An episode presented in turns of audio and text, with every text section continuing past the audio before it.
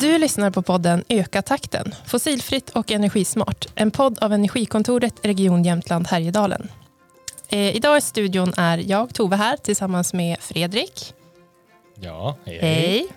Länge sedan du var här efter en lång ledighet. Hur känns det? Har du längtat tillbaka? Jag känner mig lite ringrostig måste jag erkänna. Men eh, jag tänker att det ska, ska gå, gå bra. Det är ändå en ganska trygg miljö. Var Ja. det här förut ändå. Det blir bra. Vi löser det. Eh, det var ju tänkt att vi skulle prata om eh, en installation av eh, en massa laddpunkter i en bostadsrättsförening här i Östersund idag. Men vi har fått flytta lite på det och ändra om i schemat. Så att det blir någonting annat, nämligen aktuellt om elpriser, elanvändning och elfakturan. Men vi lovar att återkomma till det längre fram i ett annat avsnitt. Ja, för det är ett väldigt spännande exempel. Men jag menar, vi har ju en annat väldigt aktuell och brinnande fråga som ändå har varit kanske det under en längre tid. Men det är ju elpriser. Det pratas jättemycket elpriser, både lokalt, i media och även på, i nationella medier. Och inte minst i, i valet så har det ju varit en jätteviktig eh, fråga. Eh, och många liksom, rubriker i, i tidningarna har ju handlat om hur det kommer bli i vinter Eh, med de här höga elpriserna och eh, dyra elräkningarna. Och, så därför ska vi grotta i, i det istället idag. Ja, men precis. Hur funkar egentligen elmarknaden? Eh, varför blir det höga priser fast vi exporterar el i Sverige? Och eh, hur, ser det ut oss, hur ser det ut för oss här i Jämtland? Eh, och eh, sen för att liksom bryta ner det lite, så här, vad, vad säger det? Eller vad, vad blir utfallet på din elräkning? Och vad är det man kan läsa där? Eh, och till vår hjälp har vi med oss Ulf Larsson som är enhetschef för krafthandel på Jämtkraft. Välkommen hit Ulf. Hej, tack. Eh, kul att du kunde vara med här idag. Vi har ju sett att du har varit med både i eh, ÖP och eh, SVT Nyheter och är liksom, eh, ja, har fått vara med i media lite på sista tiden apropå de höga elpriserna. Ja, Det känns som att vi står här med en liten kändis, tycker jag. En lokal Ja, kändis. det är kul. Eh, men eh, berätta Ulf, vad, är det du gör på Jämtkraft egentligen? Jag jobbar på en, en enhet som arbetar med att, att köpa och sälja kraft kan man säga. Och då är det, om vi säger Jämtkraft är en stor producent och den kraften vi producerar den säljer vi liksom på, på en marknad och på samma sätt eh, så köper vi kraft till våra kunder på samma marknad. Så, så den enheten jag jobbar på den, den jobbar med att planera och köpa och sälja kraft kan man säga. För det är ju liksom el, elhandel som händer mellan, ja, men både mellan er som elbolag och eh, producenter men också konsumenter som, som använder elen. Eh, och Sverige är ju indelat i fyra olika elområden sedan 2011. Men vi är också sammankopplade med resten av Europa som har sina elområden eh, och så har vi en gemensam elhandelsmarknad. Hur, eh, hur fungerar det här egentligen om det går att säga något om det? Innan 2011 då hade vi liksom ett elområde i hela Sverige. Och det betyder att man alla i hela Sverige hade samma pris. 2011 då ville man dela upp det här i fyra elområden och det är för att visa liksom vilka begränsningar man har i elnätet. Och då generellt kan man säga att i norra Sverige då har vi ett överskott på produktion. Och mycket produktionskapacitet i norra Sverige. Vindkraft och vattenkraft då framförallt. Eh, sen är vi inte så mycket människor som bor här. Och så går man till södra Sverige, då har vi det omvända. Då har man lite ett underskott på produktion. Det är mycket folk som bor med mycket konsumtion, men vi har inte lika mycket produktionskällor. Så generellt då leder det här till att kraften i norra Sverige ska liksom flöda genom Sverige eh, till södra Sverige och förse södra Sverige med el där vi har storstäderna. Men sen finns det ju överföringsbegränsningar i elnätet, flaskhalsar, så vi får inte ner all el eh, genom Sverige. Och det gör att det bildas de här, man har ju satt de här eh, prisområdesgränserna där man har de här så kallade flaskhalsarna. Och det gör då att den, från tid till annan ska vi säga, så, så blir det olika priser i de här fyra elområdena. Och, och generellt sett, i och med att har ett överskott av produktion i norra Sverige så be, tenderar det att bli ett lägre pris i norra Sverige och vice versa i södra Sverige där man har ett underskott på produktion då mer förbrukning, att det blir ett lite högre pris. Så det är liksom ingen slump att vi har de elområdena, där, att gränserna går riktigt där de, där de gör idag. Nej. Och det här, eh, ett av syftena med det här det är att skicka liksom signaler till marknaden. Om man, om man är, vill bygga ut en elproduktionsverksamhet då ska man ju göra det kanske i södra Sverige för där är det högre priser och där behöver vi produktionen. Och vice versa om vi, vi har en verksamhet som eh, förbrukar el, mm. då vill vi lägga den i norra Sverige för där har vi lite eh, billigare elpriser. Så det är ett sätt att styra liksom, vart man vill bygga ut produktion och förbrukning. En direkt fråga man får mm. där är ju, har det fungerat? Har det blivit någonting? ja, men historiskt sett har det inte varit så stora skillnader mellan de här el elområdespriserna. Nu har det blivit det på ganska kort sikt. Men det finns ju som ingen quick fix. Vill du bygga en produktionsanläggning så tar det flera år. Eller vill du bygga en fabrik i norra Sverige så tar det några år att göra det här. Så liksom, det är ett nytt, lite nytt fenomen att det har slitits isär så här mycket prisområdesmässigt eller prismässigt. Eh, och det kommer ta ett, ett tag innan marknaden kan lösa det här. Ja. Så det, det löser sig inte liksom overnight, liksom. det är ingen quick fix. Mm. Nej, och det här är ju liksom elhandeln inom Sverige, jag tänker. och sen har vi ju en situation nu i Europa där eh, ja, priset på gas har gått upp och det är mindre leveranser och ja, elpriset där har gått upp väldigt mycket. Och det kopplar också an till oss, eller hur? Eller... Så är det. Sverige är ju inte en isolerad ö liksom i, i energilandskapet utan vi sitter ju sammankopplade med övriga Europa och andra länder. Liksom. Och eh, från tid till annan då behöver vi exportera el eh, för att hjälpa andra länder och, och, från tid till annan då importerar vi el eh, från andra länder. Så då bidrar de liksom när vi har ett underskott. Över en årscykel kan man säga att vi, vi det finns, eh, att vi, över nårcykel så eh, producerar Sverige mer el än vi förbrukar. Så vi är en nettoexportör. Vi har mer el i Sverige än, än, än vi förbrukar. Eh, ibland pratar vi om elbrist, men det finns inte. Nej. Så det är en fel, ett, ja, ett missförstånd helt enkelt. Ja, det är ju någonting vi brukar komma tillbaka ganska ofta i den här podden också, att man brukar mer prata om effekt, alltså att det kan vara en effektbrist. Men, men om man mm. går tillbaka, vad är, vad är det som gör att priserna liksom spiller över från Europa till liksom Sverige? Då? Varför är priserna högre? Ja, men så är det. Om vi går tillbaka, så det är utbud och efterfrågan som sätter priserna på el. Så har man en, en hög eh, efterfrågan på el, det kan vara att det är kallt väder, och vi behöver värma våra bostäder, då ökar efterfrågan. Och sen har vi ett utbud av el eh, och det kan vara eh, vindkraft. Om det blåser lite har vi lite liksom utbud. Mm. Eller om, om, om vi har problem med kärnkraften i Frankrike eller Putin vrider på gaskranen, då får vi också liksom ett, ett minskat utbud. Och det är de här priskryssen som, som sätter priser. Då. Mm. Eh, och båda de här, förbrukningen och produktionen är ju, eh, varierar ju väldigt mycket över tid. Mm. Och det sätter priser. Och då blir det så att den, och det är samma på hela europeiska marknaden. Och vi har kablar till Tyskland till exempel och då blir det att den, deras pris kan vi sälja elen till eh, om vi exporterar. Mm. Och det gör att den påverkar liksom prissättningen i Sverige. Just det. Men då, då tänker man ju direkt att en, en quick fix på det här skulle vara att klippa de här kablarna. Är det en god idé i det här sammanhanget? Det är jättesvårt. Nej, det är det inte. Nej. Nej. Vi behöver varandra. Vi behöver ju varandra. För vi behöver ju importen av el när det är bristsituation i Sverige också. Mm. Så hela systemet är sammanflätat. Och vissa av länderna i Europa de har ingen möjlighet att bygga ut förnyelsebar elproduktion. Nej, jag tänker också att det är viktigt. Eller vi, genom att vi exporterar el så bidrar vi till mer grön el i resten av Europa. Eftersom att vi har bra förutsättningar här. Um, om man går vidare, någonting som man också har svängts runt i media är de här statliga garantierna för elhandelsbolag. Vad, vad är det egentligen? Liksom, vad kan det innebära? Det är så här, om man, om man handlar el på en, en, en börs, en råvarubörs, så måste man ställa garantier, eh, säkerhetskrav. För det fall man går omkull eller inte kan fullfölja sina plikter, eh, då, då kommer marknadsplatsen ta positionerna som man har där och så försöka netta ut dem eh, och sen kanske man gör en liten förlust på det och då behöver man det här säkerhetskravet för att kunna täcka eventuella förluster hos marknadsplatsen för att det inte ska drabba alla aktörerna. Så alla medlemmar ställer säkerhetskraven och de här säkerhetskraven baserar sig på eh, volatiliteten på elmarknaden och prisnivån. Båda de har gått upp kraftigt så säkerhetskraven som vi ställer till, till Nasdaq där vi handlar våran el då i Norden eh, har, har liksom mångdubblats. De har, på ett år har de gått från 25 miljarder till 180 miljarder.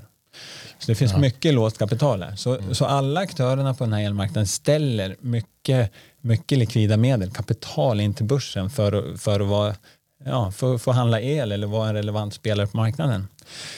Och eh, vissa behöver då ställa så mycket att man, man, sak, man, all likviditet i bolaget försvinner. Det går inte att ställa de här säkerheterna. Och då har man ju från regeringens håll eh, gjort ett, ett paket där man kan få via banken och låna pengar. Då. och det går via Riksgälden. Mm. Så det, det egentligen eh, kan vara nödvändigt med de här pengarna för att man ska kunna ha en fungerande det är ett sätt att stabilisera marknaden ja. också, att inte, inte aktörerna lämnar marknadsplatsen. Så man ger liksom lite bättre förutsättningar att kunna överleva när det är höga elpriser. Jag tycker fortfarande att det är lite krångligt. Skulle man kunna, finns det någon liknelse eller något som man kan eh, hjälpa till att förklara det här? Alltså, sä säkerheten blir mer som, som en inträdesbiljett ska man säga, för att få handla el på Nasdaq. Det blir ett belopp som du måste sätta in där på ett låst konto eh, för att liksom få, få vara med och handla elen. Och, som när man går på klubben, man måste liksom betala in sig, inträdesbiljett och sen får man tillbaka pengarna när det går ut. Ja, Inte riktigt får man kanske det. Nej, man får ju tillbaka sin jacka som man har hängt in i garderoben. Ja, det får man. Men här är det ju så, man, man, det blir som en deposition kan man säga, som man lägger dit. Eh, och den kommer ju inte användas om man, om man, så, länge, så länge man inte går i konkurs rent ut sagt. Men gör man det, då kommer de här pengarna användas. Så det är liksom, från statens sida går man in för att säkerställa att vi kan ha elhandelsbolag som handlar och säljer el? Mm, ja. Okej, okay, men så att när ni då köper elen, gör ni det i stunden till det rådande priset på el? Eller? Jag tänker att min fråga kommer utifrån ja. att det också finns något som heter förvaltat pris och det går väl ut på att man köper el Eh, ja, i förväg. Men då är det här någonting annat. Jag tänkte inte att vi skulle komma in på det, men det finns egentligen två, två marknader för el. Den ena är spotmarknaden där man, där man med rörligt pris varje timme för timme handlar mm. el. Ja. Eh, och den är fysiskt avräknad eh, och det är det som, är, ja, som vi kallar spotpris. Liksom. Och, och den handlas upp dagen innan. Eh, sen finns det en annan marknad om man vill säkra sitt elpris eller säkra sin elproduktion. Och det är liksom en finansiell marknad med en finansiell avräkning. Eh, och den sker på Nasdaq idag. Okay. Och det är Nasdaq som kräver de här säkerheterna i, i likvida medel. Då. Just det. Men eh, Jämtkraft är ju idag ett, jag tänker att ni är ett bolag som producerar el. Varför måste ni köpa el om ni producerar el? Jättebra fråga. Det, men det är faktiskt så att Jämtkraft vi har kunder som förbrukar mer än vad vi producerar. Mm.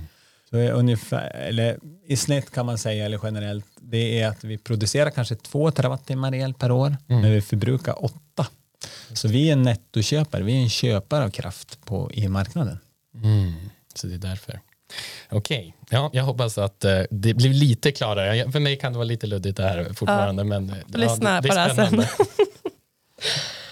Eh, men och eh, om vi då ska tänka lite, eller det är liksom mycket olika saker som, som påverkar det här, men jag tänker att man ändå har en, eh, en prognos och det här har varit uppe lite i media innan också, men vad, vad tänker man om vintern? I södra Sverige så bävar man ju för vintern lite och tror att det kommer bli jättedyra priser och det kommer drabba hushållen väldigt hårt. Och, men hur, om vi ändå utifrån att vi har de här olika prisområdena, hur kan vi tänka att det blir hos oss?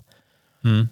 Eh, vi har prognoser som visar att den elpriser, och då säger jag när jag säger elpriser, då är det priser på börsen. Det är inte det elpriser som kunden får betala. Mm. Eh, det kan bli, bli upp till, till, till, dubbelt så högt som det var förra vintern eh, jämfört med södra Sverige då det kommer bli upp till fyra gånger högre. Mm. Så har man någonting att förhålla sig till. Så det, det, kan bli lite högre. Men, men allt är ju beroende liksom av, av världsläget eh, och det är beroende av tillgången på kraft. Mm. Får vi en väldigt kall höst eller kall vinter med lite vind, ja, då kommer det bli ett högt pris. Men får vi en mild, mild höst och mild vinter och med mycket, mycket vind, då kommer det bli lite lägre. Så det är många faktorer som spelar in här. Det är som Hur? paradoxalt, eftersom vi kanske, många drömmer om en snörik vinter som ändå är ganska kall. Så. Ja, man vill ha kall vinter med mycket snö och låga elpriser. Ja, precis. Men sen är det också, vad händer med eh, kriget i Ukraina? Hur utvecklar sig det? Hur, vad händer med gasmarknaden? Mm. Det är många, många okända, eller många faktorer som påverkar och, och, det är svårt att säga exakt. Liksom. Ja. Jag, jag, jag tänker så här, eh, vad, vad, skulle kunna påverka eh, elpriset mest nu och, om man tänker att man vill att det ska sjunka, om, om kriget i Ukraina tar, tar slut i, imorgon och eh, liksom Ryssland bestämmer sig att nu skruvar vi på full gas här på gasledningarna. Vad, hur påverkar det? Det skulle påverka priset i, i Tyskland först och främst. Eh, eh, Tyskland är ett land som är ganska beroende av, av gas i sin energikonsumtion. Jag tror att närmare 27 procent av all konsumtion består av gas. Så det är klart, eh, öppnar man upp kranen där så man får handla gasen lite billigare än vad man gör i dagsläget då när man handlar med andra länder så kommer det att, att påverka elpriserna i Tyskland som kommer få en full, följdverkning på, på Sverige. Då. Mm. Så vi skulle få betydligt lägre priser i Sverige. Finns det någonting annat sånt där som skulle kunna påverka om man tänker att det är mild vinter men någonting annat? Vi pratar mycket om konsumtionstiden. Mm. Att den, vi, vi konsumerar mycket el också. Att man kan minska förbrukningen. Mm. Det är någonting också som, som kan göra att den, vi, vi får mer balans. Liksom. Mm. Och jag tänker, nu kom vi in på det. Jag tänker, har du något energispartips till, en, till privatpersoner? Vad, vad är det bästa man kan göra? Ja, det är en jättesvår fråga. Ja, jag vet inte exakt liksom vad som drar mest i hemmet. Men, men en sak som, jag, som, jag kommer, som poppar upp i huvudet det är om man har gamla liksom, vitvaror hemma så bör man nog se över dem. Det, det, brukar vara sådana här eltjuvar. Så effektiva vitvaror. Mm. Det kan tjäna, tjäna igen sig liksom, att handla nytt. Ja, mm, och vi, vi kommer ju prata mer om, om, tips längre fram Tove, men det, det var Ulfs tips här om, om att byta ut vitvarorna. Precis. Yes, jag, jag tycker att vi, nu har vi ju pratat om väldigt liksom stora och komplexa frågor ändå. Jag tänker att vi ska liksom ta ner det lite närmare konsumenten och gå ända ner till liksom elräkningen. För att jag, eh, bara häromveckan så pratade jag med min mamma som sa, alltså Fredrik, jag, jag, förstår inte min elräkning. Jag vet inte ens vad jag har för liksom, avtal, bara vart ser jag det? Så försökte jag ja, hjälpa henne. Så, och jag tittar på min egen elräkning och den är ju inte helt lätt eh, att förstå. Så jag har, jag har tagit med mig den. Så jag tänker att vi ska mm. liksom försöka gå igenom den och nu tycker jag att du Tove ska försöka få svara på de här frågorna. Precis. Och kanske Ulf. Vi ja. får se. Mm. Och jag tänker om du sitter och lyssnar på det här nu och också tycker att det är klurigt med din elräkning kan du gå och hämta den nu. Det går ju att pausa avsnittet och så eh, kikar du på den medan vi pratar. Mm. Ja, precis. Det är ett, ett skitsmart tips. Um, det jag tänker först och främst, jag har ju en räkning här i min hand. Vad, vad innebär det direkt? Jag tänker kanske att det du eh, syftar på är att man kan antingen få en eller två räkningar. Ja. Eh, och det beror på att man har ett eh, nätbolag och det är de som har monopol och äger elnätet där man bor eller har sitt företag eller vem som får den här fakturan. Och sen har man ett elhandelsbolag och det är de man köper elen av. Ja, och eh, Det kan då vara så att man har samma eh, elnätsbolag och elhandelsföretag och då får man en gemensam faktura med båda de här delarna på samma. Annars får man två olika. Just det, och det är ju i mitt fall här då så är det ju, är det ju så. Eh, och jag tänkte liksom att vi skulle bara börja upp uppifrån och ner. Den, för, den första posten som kommer här är ju kostnad för elnätet. Mm. Och eh, vad, vad är den kostnaden då? Precis, då har man oftast en abonnemangsavgift som är en fast eh, årlig avgift men som slås ut per månad och den är ofta baserad på huvudsäkring men kan också i vissa fall vara eh, baserad på effektuttag, men det är ändå kopplat till vilken huvudsäkring man har. Just det, och det är ju man brukar säga att man kanske har 16 ampere eller 21 ja. ampere. Eller, det, kan, det är lite högre om man bor i villa och lägre om man bor tänker jag, i en, en lägenhet. Precis. Mm. Eh, men och här är ju en, eh, man, det är bra att se till att man har rätt eh, huvudsäkring, för att om man har en högre huvudsäkring än vad man behöver utifrån sin förbrukning så får man ju en högre abonnemangskostnad. Så om man eh, har möjlighet så eh, se över om man kan säkra ner och få en, lägre abonnemangsavgift. Och då det kan, finns, kan man få hjälp av dig eller? Det kan man göra. Man kan också gå in, det finns bra tabeller på eh, elbolagens hemsidor så kan man se ungefär vilken årlig förbrukning som passar för vilken huvudsäkring. Just det. Det är ett bra konkret tips direkt där, att man kan se över det. Um, om man eh, tittar vidare här då så har vi ju, tänker i den här elnätsavgiften så finns det ju elöverföring, det är elskatt och så kanske man kan ha något avdrag. Vad Precis. är det här då? Eh, och det här är ju både elskatten och elöverföringen är avgifter som är baserade per hur många kilowattimmar man förbrukar. Eh, och det är också, eh, man kan inte riktigt påverka den här avgiften utan det sätter ju el nätsägaren hur, hur mycket det kostar per kilowattimme. Eh, sen har vi någonting som heter Norrlandsskatt här uppe. Mm. Och eh, det är att man får ett, ett avdrag på elräkningen. Och eh, som privatperson så sker det här automatiskt, men om man är ett företag så kan det vara bra att kolla så att man har det här avdraget och annars be om att få det. Är det riktigt rättvist då, Ulf? Att vi har avdrag, vi har de billigaste elpriserna så får vi avdrag. Ja, det är det är rättvist. Nej, men det, det är ju för att man vill stimulera, det är på samma sätt som elområdena där, man vill stimulera förbrukningen i norra Sverige för att få balans i systemet. Just det. Så vi vill, de vill kanske att vi ska förbruka lite mer. Jag tror det är på samma sätt, nu kanske jag sticker ut hakan lite, men om du är producent i södra Sverige så är inmatningstarifferna lägre där också än vad de är här uppe. Mhm, Just det. Man hittar olika sätt. Okej, men den här elskatten då? Alltså, man betalar ju moms på alltihop. Alltså man betalar liksom moms på en skatt. Ja, moms på skatten betalar man, 25 procent. Varför gör man det? Vet du det? Nej, Finansdepartementet Ja, det är något. behöver pengar. Ja. Okej.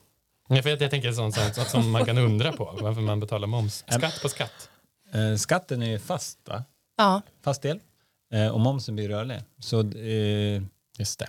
otroliga momsintäkter ska jag säga om det är höga elpriser i Sverige. Just det. ja. Så för momsen baseras på alla de här eh, övre kostnaderna som vi har gått igenom som är på räkningen. Just det. Eh, och sen så på den här elnätsidan så kan det också vara eh, nätövervakningsavgifter, elberedskapsavgifter och elsäkerhetsavgifter. Och det är också fasta avgifter, eller de beslutas av eh, riksdag eller regering eh, och är fasta för per kalenderår. Och ibland så ser man dem eller så är de inbakade i abonnemangsavgiften. Just det. Ja, nej, den, den syntes inte på min faktura eller de avgifterna. Okej, men eh, är det någonting annat kopplat till el, liksom kostnader kopplat till elnätet som vi saknar? Eller var det allt? Men jag tror att vi har täckt in eh, det mesta. Mm. Men, och det som kan vara värt att säga där är väl bara då att här, även om man inte kan välja sitt elnätsbolag så kan man ju ändå minska sin kostnad här eftersom att många av de här avgifterna är baserade på förbrukningen. Så genom att minska sin förbrukning så blir det ju lägre elnätskostnader också. Ja, det är ju väldigt bra att ha med sig. Eh, nästa post där, det handlar ju om elhandel. Och eh, för elhandelsbolaget, det kan jag väl ändå liksom välja själv. Ja, det är fritt att välja vem du köper din el av. Och då, då kan man välja aktörer från hela Europa, eller? Eller bara från Sverige? Bara från Sverige. Bara från Sverige. Ja, så nästan helt fritt. Nästan helt fritt. Eller, eller du måste, eh, jag, jag korrigerar med det, du måste handla elen av en elhandlare som har ett balansansvar i Sverige. Mm. Utan att gå in på vad ett balansansvar är. Tekniskt. Ja, man får... Så, så det kan vara utländska bolag då som är registrerade i Sverige. Ja, just det. mm. Mm. Okej. Eh, okej. Men vad är det för avgifter som ingår här då? Jag har ju någon slags fast avgift, ser jag. Precis. Eh, ja, det brukar kunna vara en fast avgift som slås ut per månad då, som är en årsavgift. Och sen har man en, eh, en kostnad, själva elpriset. Liksom. Och det är ju egentligen det som kopplar an, tänker jag mest till det här vi pratade om innan, vad, priset, vad spotpriset är eh, på, på elmarknaden. Och det finns ju olika typer av elavtal och beroende på vilket elavtal man har valt eh, så kommer det här elpriset att eh, variera olika mycket över tid. Man kan ju ha ett eh, fast pris, då har man liksom avtalat för en viss period att man betalar en viss summa då per kilowattimme. Eller så kan man ha ett rörligt månadspris och då betalar man ett snittpris av vad elen har kostat på, på den här spotprismarknaden under den månaden. Och sen kan man ha ett eh, rörligt timpris och då följer den egna kostnaden eh, prissvängningarna varje timme. Just det. Ja, nej, men för att jag ser ut som att jag har ett sånt rörligt liksom, som baserar sig på månaden. Så Ja. då, då blir det någon slags snittpris. Då. Eh, för det var det jag tänkte, man har ju hört mycket i media om att man ska använda diskmaskinen på, på natten eller dammsuga på natten. Ska man gå upp klockan fyra och dansa, dammsuga på natten för att det är billigare då. Men är det så många som kan göra det eller? Vet du det Ulf? Alltså, hur, jag tänker på många som har det avtalet. Timpris. Eh, Timpriset är det väl inte så många som har, inte i, i, på Jämtkraft i alla fall. Det är en mindre del. Eh, Alla kan få det och begära det. Eh, Och förutsättningarna för det är väl lite olika. Eh, Är man intresserad av det här och flytta sin förbrukning eh, och du har lite förbrukning, du kan inte ha vara en lägenhetskund, då är det inte så kul, men har, du- är du en större förbrukare och är intresserad och har möjlighet att, att flytta last, då, då, då kan man spara pengar på det. Just det. Men ett större företag eller sådär. Man kanske Ja. har någon tillverknings... Ja, men även du kanske har en elbil, du kanske Mm. har eh, ja, oisolerat hus eller nå- någonting som gör att du drar mycket el. Mm. Just det. Och då tänker jag att ett bra första steg det är ju att kolla på sin elräkning och se vad det är för avtal man har så att man vet det. Eh, och sen så behöver man in, inte börja med att dammsuga på natten för det kanske inte gör någon skillnad. Men sen kan det ju finnas ett eh, ur ett större perspektiv, liksom ett, eh, ett värde i att vi jämnar ut eh, så att man inte använder, alltså så att vi inte får väldigt höga effekttoppar utan en mer jämn användning över dygnet. Så att man kan ju tvätta på natten ändå. Utan att, men det, man ska veta att det kanske inte gör någon skillnad på, på räkningen om man inte har ett, den typen av elpris som är baserat per timme. Då funderar jag direkt på liksom, vad är det i mitt hem som gör förbrukar så mycket? Alltså, vad, vad kan jag ändra mitt beteende kring då? Liksom? Har jag någonting hemma som förbrukar så mycket el så att jag liksom kan flytta den och det skulle märkas lite grann? Alltså, eh, ja, men till exempel sånt som du enkelt kan flytta är väl om du har en diskmaskin eller tvättmaskin som du kan sätta timer på. Just det, Då, kan får du ju ändå köra. sova på natten men, men förbrukar lite el. Mm, det är lite Ehm, skönt. Elbil är också en sån där. Om du har elbil så är det Ja. dumt att ladda den. och det är ju en lite större förbrukare. Mm, precis. Ja. Ja, för, för jag tänkte ju spontant liksom så här ugn och spis. Och, men man vill ju ändå laga mat när man är hungrig. Man kanske inte kan flytta den hur långt som helst. Men Nej. annars är det ett alternativ. Om man är nattuggla. Om, om vi går tillbaka till själva eh, elräkningen då. Är det någonting vi har glömt? Ja, vi har ju glömt hela elpriset. Ja men precis, men, och det är ju det, det som är beroende på vilket avtal Mm. man väljer. Mm. Eh, så får man ett fast eller rörligt elpris och det betalar man ju också per förbrukad kilowattimme. Just det. Och sen betalar man också moms på det här, samma som på elnätssidan. Ja, och det är ju egentligen alla punkter. Men vad bra, då har vi ändå gått igenom den här eh, liksom, elräkningen och jag vet att liksom, på, på olika bolag så finns det förklaringar på hur man läser sin elräkning så man kan kanske gå in på sitt elbolag liksom, och titta om det finns någon så kan man få lite hjälp. Precis. Och en sak också då som jag bara vill belysa lite här det är ju att spotpriset då som man hör så mycket om i media det är en del av, av den här elräkningen. Eh, men så att ett dubbelt elpris på elprismarknaden behöver ju inte betyda en dubbel faktura. Nej, för det beror ju på vad man har för Ja. avtal. Ja. Och det är också många andra kostnader på fakturan. Ja, precis. Så det, det, det är inte alltid så enkelt som man kanske vill framställa det som en media eller sådana quick fixes eller Nej. sådär. Och en, ett, annat, en annat, ett annat medskick är att eh, Konsumenternas energimarknadsbyrå Mm. har mycket bra information om elräkning och eh, hur det funkar också. Så det är också en bra sida att gå in och kika på om man vill Yes. veta mer. Jag ska tipsa min mamma om det. Jag gör det. hon får lite bättre koll på sin elräkning. Ja. Men om man tänker i liksom ett större perspektiv, jag vänder mig ändå till båda er två. Nu står vi ju här och eh, verkligen funderar på ja, men vad betyder min elräkning och hur kan jag få med, ner min konsumtion för att jag vill liksom spara pengar. Kan det liksom ha någon effekt över lång tid här? Kan vi liksom se någonting positivt? Nu känns det bara som att det är negativt.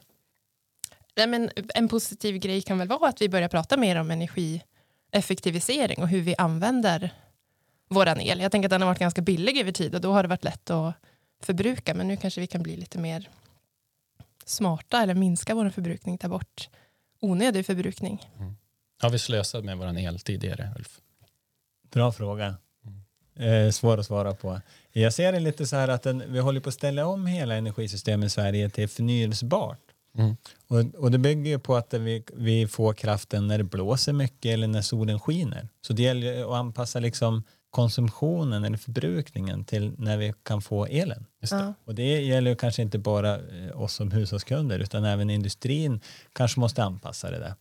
Om man kollar historiskt till exempel då när vi hade mycket kärnkraft i Sverige man reviderade den under juli månad så var det ganska stabilt och vi hade industrisemestern så industrin stängde ner i juli. Alltså allting Mm. liksom harmonerade och satt ihop. Mm. Och det tror jag inte vi kommer att se i framtiden. Då blir det lite mer så här man får köra industrin vissa timmar eller vissa delar av dygnet då, man, då är det riktigt liksom, kanske låga priser då. Just det. Mer agila måste vi bli. Men tror du att det kan liksom... Flexibla. flexibla. Tror du att det kan snabba på också utvecklingen av eh, lagring av liksom energi? Ja, Mm. det tror jag. Det är ju en av lösningarna i det här också. Kunna lagra energi när, när priserna är billigt. Då. och kunna använda den då när eh, priserna är lite högre. Det är ett helt nytt avsnitt känner jag, just med energilagring. Precis, vi får återkomma till det. Ja, men jag tycker, ska vi inte fokusera lite på vad vi kan göra här och nu? Du nämnde ju ett tips där om vitvaror. Har vi några andra tips, Tove? Ja, men några, li- lite så att spa, alltså börja tänka till är väl ett bra steg. Fundera på vad, vad går elen till och vart tar den vägen? Eh, och några sådana här eh, klassiska eh, energitjuvar som man har hört om det är ju att man till exempel har en, en uteplats med golvvärme som är oisolerad. Då försvinner ju den elen bara rakt ut. Eller att man har värmeslingor i stuprör och hängrännor. Det finns ju lite grejer man kan göra också bara genom sitt eh, sitt beteende och med små förändringar. Om man till exempel sänker inomhustemperaturen eh, så motsvarar ungefär en grads sänkning 5% av energin för uppvärmning. Det känns ju som ett väldigt konkret tips som man kanske inte heller lider jättemycket av om man kan ta på sig lite ullunderställ eller någonting. Ja, Mm. ta tjocksocker eller en tröja. Ja. Eh, och, och om man har rum då som man inte använder så mycket kanske man kan ställa ner temperaturen där om man har möjlighet eller så. Ehm, ja, kyl och frys tipsar du om, att- om att byta ut det och också att städa bakom kyl och frys. Det är ju tråkigt men det kan faktiskt eh, minska energiförbrukningen för de produkterna ganska mycket om det inte sitter massa damm i systemet. Sen blir man ju varm när man städar också. Ja, det är ju toppen. Om man har låg inomhustemperatur. Ja. Hålla sig rörande är ett bra tips. Ja. Eh, vad har vi mer då? Har vi något annat? Ja, men man kan, till exempel när man vädrar kan det vara bra att tänka på att hellre öppna fönstren fullt ut och vädra igenom snabbt istället för att ha liksom lite öppet hela tiden. Då förlorar man mycket värme. Jag tycker liksom att det många av de här känns som så här eh, bondförnuft. Alltså, Ja, eller liksom som man agerade kanske. Man hade ett finrum, liksom äldre personer som de liksom stängde av nästan helt. Man fick aldrig vara inne i det och så ska man liksom öppna upp det bara ibland. Man, kan, man ska lyssna mer på farmor och farfar kanske. ja men ja, tänka till och vara lite sparsam. Mm. Eh, Det finns ju också lite så här, man kan till exempel, som är liksom, inte bara beteende, men lite mer att man kan se över lister på fönster och dörrar för att minska värmeförluster där, eller byta till snålspolande duschmunstycken om man inte har ett sånt redan. Eh, men också att injustera värmesystemet om man har ett vattenburet system, så att det, inte, så att det fungerar optimalt och värmen sprids jämnt i, i hela bostaden. Eh, om det inte gör det så kan det bli liksom extra energiförbrukning. Och en som, här, som jag har verkligen eh, noterat i sommarstugan. Termostater på elelement som inte fungerar. Gamla element. De består och, jag kollade med värmekamera en gång. Jag tror att det var liksom 80 grader på det här elementet. Ja. Det bara står och brassar. Så kolla på det om man har eluppvärmda alltså elelement.